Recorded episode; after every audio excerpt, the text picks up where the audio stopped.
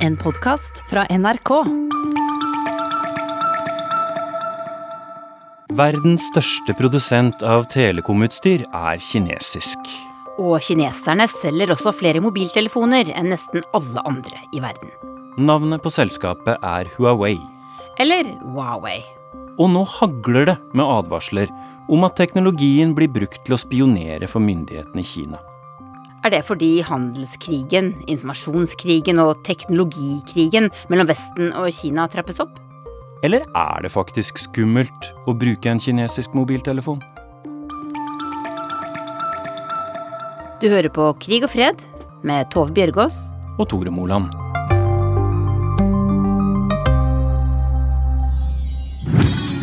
Hey, here we are in Times Square, ready to introduce the people of New York to Huawei. Now let's see if they'll be able to pronounce it. Hawaii, Away? UAE. Huawei. Hawaii. Ok. Denne mobiltelefonen vi ofte kaller Huawei, skal egentlig uttales Huawei. Og på kinesisk betyr det praktfull prestasjon. Men det har en dobbelt betydning, for det kan også bety kinesisk prestasjon. Eller noe sånt som Kina er kyndig. It's actually pronounced Huawei. Huawei. Huawei har vært verdens største produsent av telekomutstyr siden 2012. Og i fjor ble de også verdens mestselgende mobiltelefonmerke. Men så tok alt bråket av, så akkurat nå er Huawei bare nest størst i verden. Huawei. Hvis jeg ikke veit noen ting om Huawei, hva må jeg vite om dette selskapet?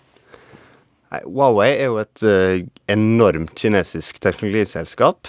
Ehm, I den grad du kjenner til Huawei, så gjør du det kanskje fordi at du hørte om mobiltelefonene deres. Men Huawei har satt sitt merke på samfunnet vårt gjennom liksom, den bakenforliggende teknologien som gjør det mulig for meg og deg å kommunisere. Eh, nettopp da basestasjonene som eh, mobiltelefonene våre kobler seg til når de skal få dekning. Så rundt om i Norges land f.eks.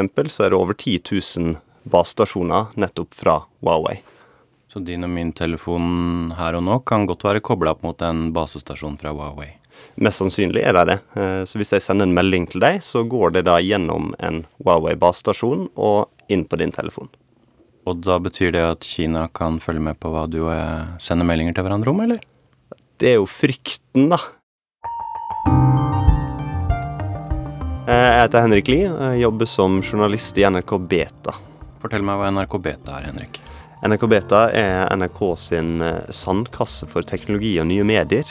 Og vi er på en måte det stedet i NRK der vi tester ny teknologi og ser hvordan vi kan bruke det både i NRK og ellers i samfunnet. Hvorfor er det så mye bråk rundt dette selskapet? Det er jo også litt interessant, eh, men mye av det handler nok om to eh, nye lovendringer som kom i den kinesiske sikkerhetsloven i 2015 og 2017.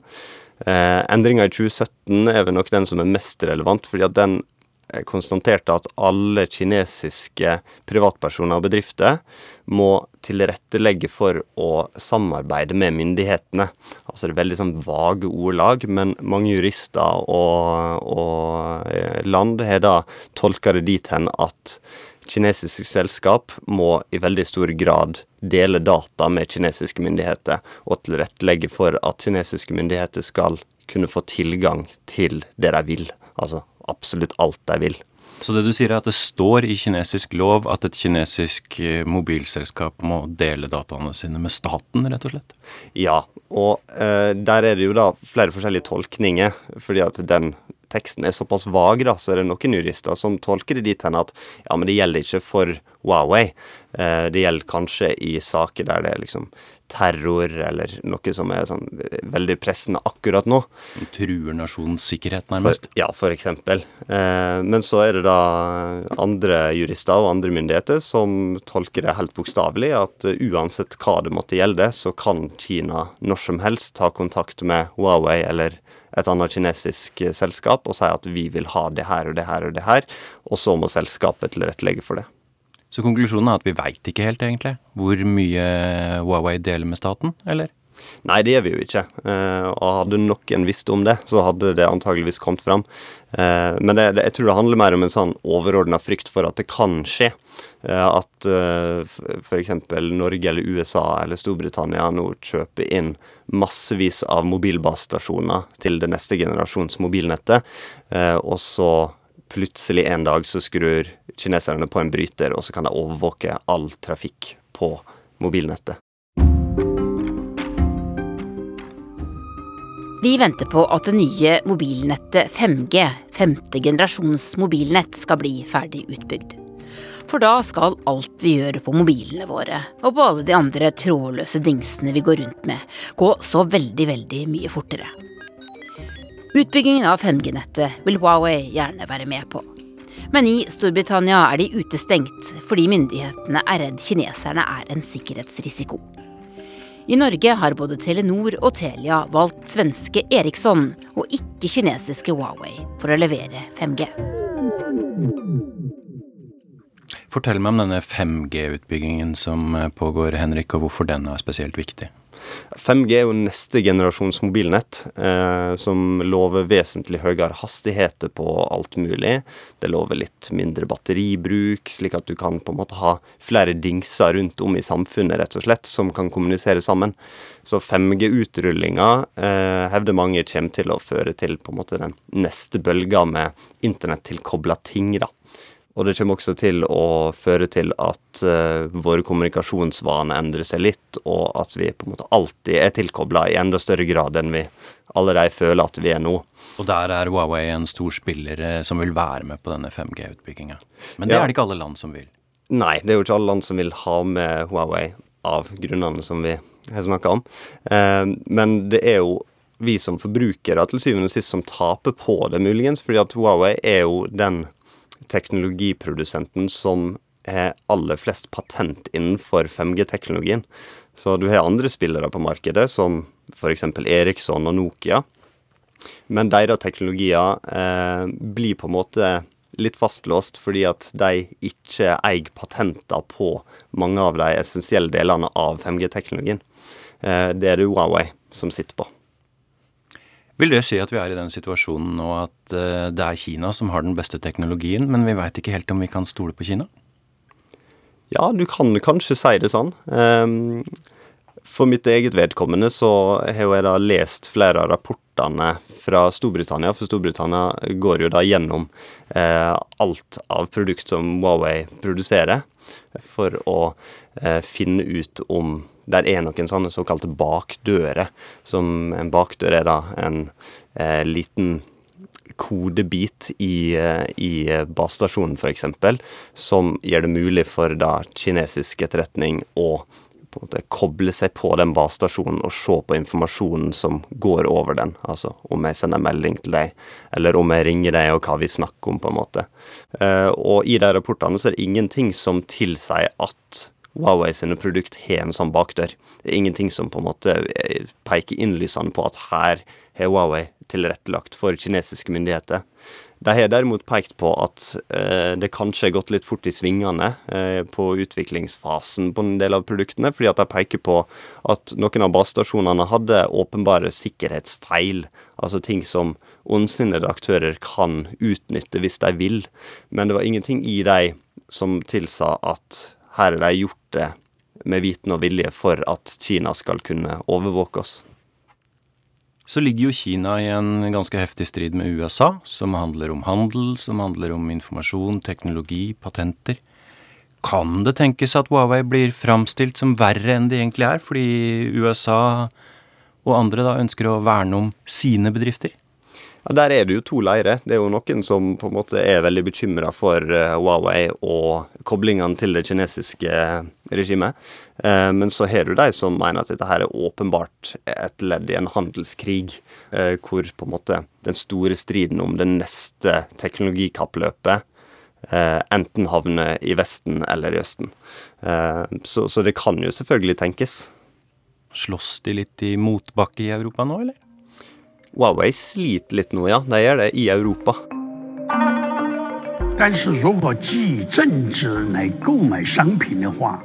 Ren Chengfei heter mannen som startet Huawei i 1987. Før den tid hadde han vært høyt på strå i folkets frigjøringshær og de nære båndene hans til både det kinesiske militæret og det kinesiske kommunistpartiet har vært en kilde til bekymring i utlandet. Nå har Ren Shengfei blitt 76 år gammel, men han er fortsatt sjefen i Huawei. Og god for drøye 10 milliarder kroner, ifølge finansmagasinet Forbes.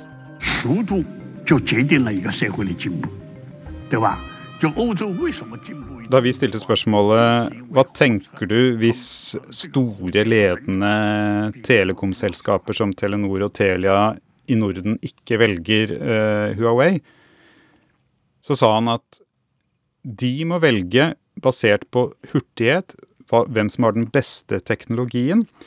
Og Kinas problem var at når resten av Europa begynte å, å bruke damplokomotiv, så hadde vi fremdeles eh, kjerre og okse. Eh, og hvis Europa har lyst til å sette seg selv i den posisjonen, så er det et valg de må gjøre og tenke over. Hei, jeg heter eh, Philip Lote og er eh, snart korrespondent i Beijing. Eh, tropper på som eh, ny mann for NRK i Asia i august-september. Det tok deg sju år, Philip Lote, å få intervju med Huawei-sjefen. Men eh, hvordan gikk møtet med ham? Ja, Det var et fantastisk interessant og spennende og veldig rart eh, møte. Han har bygd seg en ny campus, da, et slags eh, forsknings-utviklingsmiljø i, i Shenzhen i Sør-Kina, hvor du reiser rundt i en eh, veteran-togbane, en slags metro.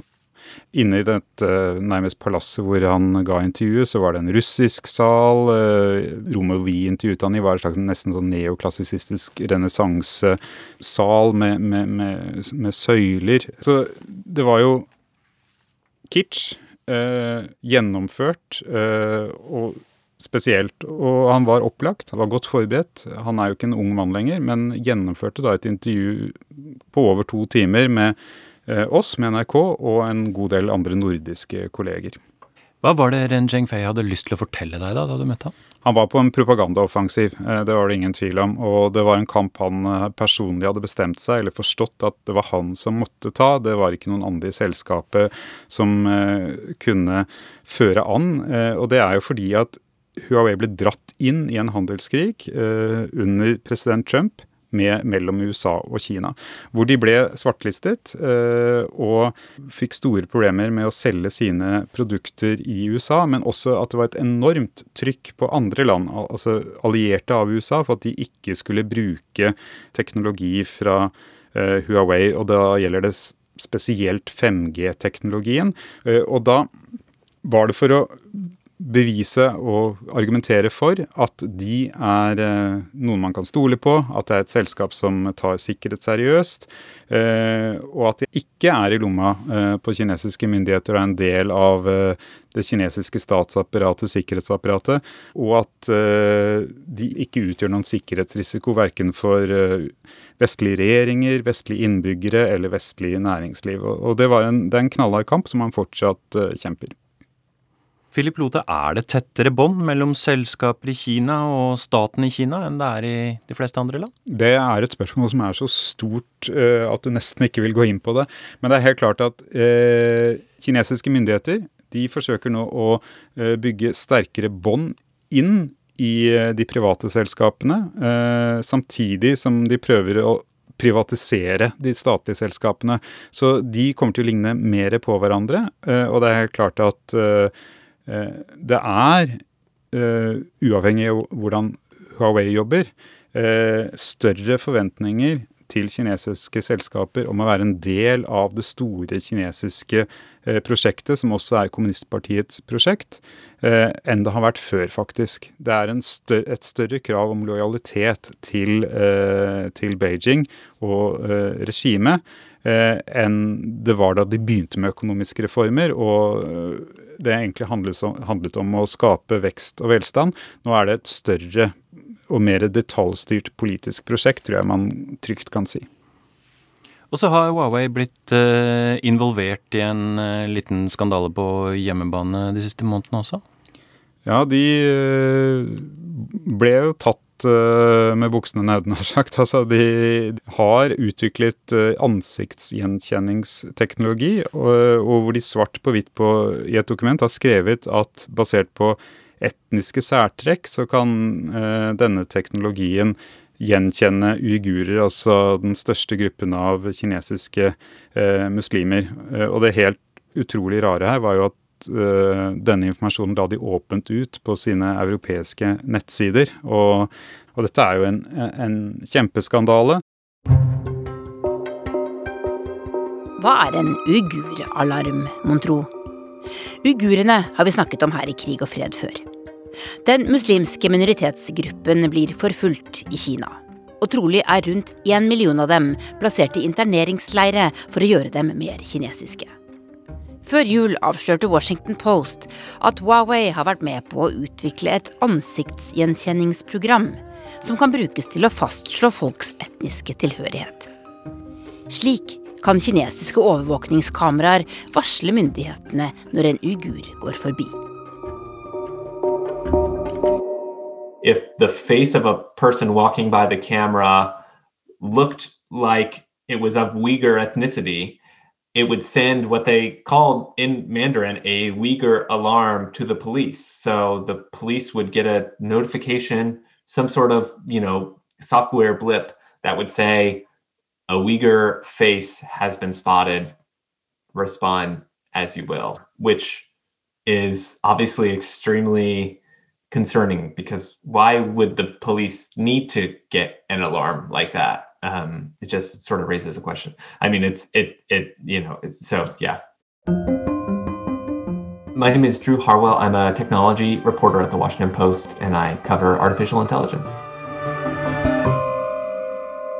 Huawei put these documents on their own website. Do you believe this was a mistake on their part, or do you think they knew what they were doing here? There's the possibility that they put it out accidentally and had no idea what they were doing. Um, but after we asked about the document, it mysteriously disappeared from Huawei servers, which seemed to suggest that they recognize there's some sensitivity there. But you know, I think the bigger issue is that the ethical questions we have about this kind of technology in the West are very different than the the ethical questions they have in in China. This is a as a cool feature set for them. We in the US and Europe may kind of raise our red flags over is um, less likely to draw that kind of attention in certain sort of spheres and and Chinese society. At the same time, Drew Harwell, there is a trade war, an information war, a tech battle going on between the US and China at the moment. How do we know what is warfare and what are real security concerns here?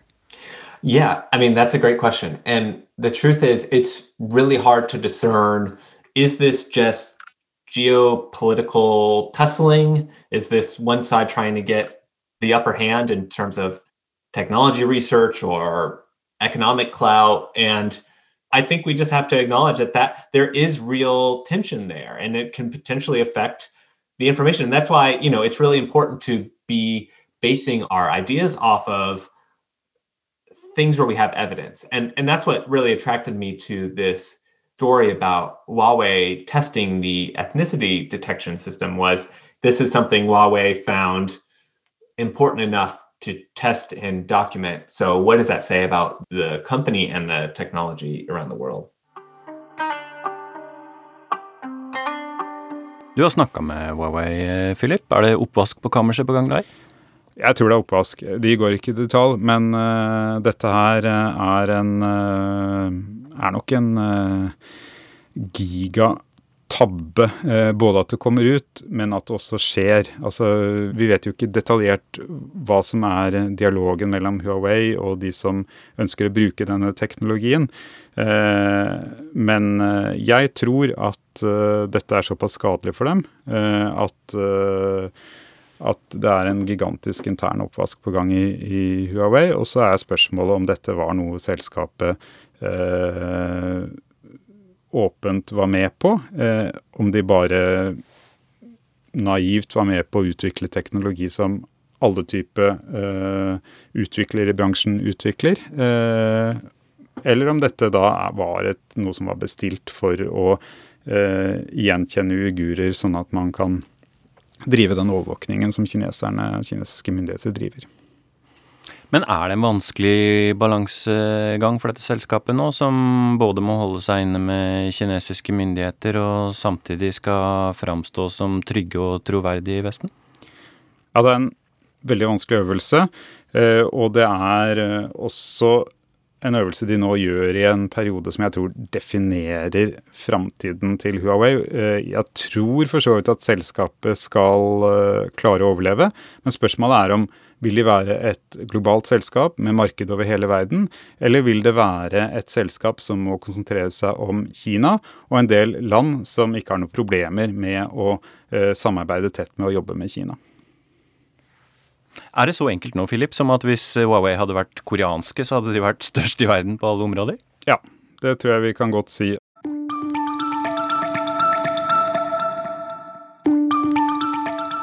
Henrik Lie, vi stilte et spørsmål innledningsvis her som du nesten må svare på for oss. Er det skummelt å ha en eh, kinesisk Huawei-telefon? Jeg tenker mest sannsynlig ikke. Altså, for eh, mannen i gata så, så, er det ikke en sånn veldig stor fare for at uh, Huawei overvåker deg på noe vis. Så du kunne fint brukt en Huawei-telefon? hadde jeg satt pris på brukeropplevelsen ved å bruke en Huawei-telefon, så kunne jeg nok hatt en Huawei-telefon. Ville du vært komfortabel med å bruke en eh, Huawei-telefon sjøl, Philip?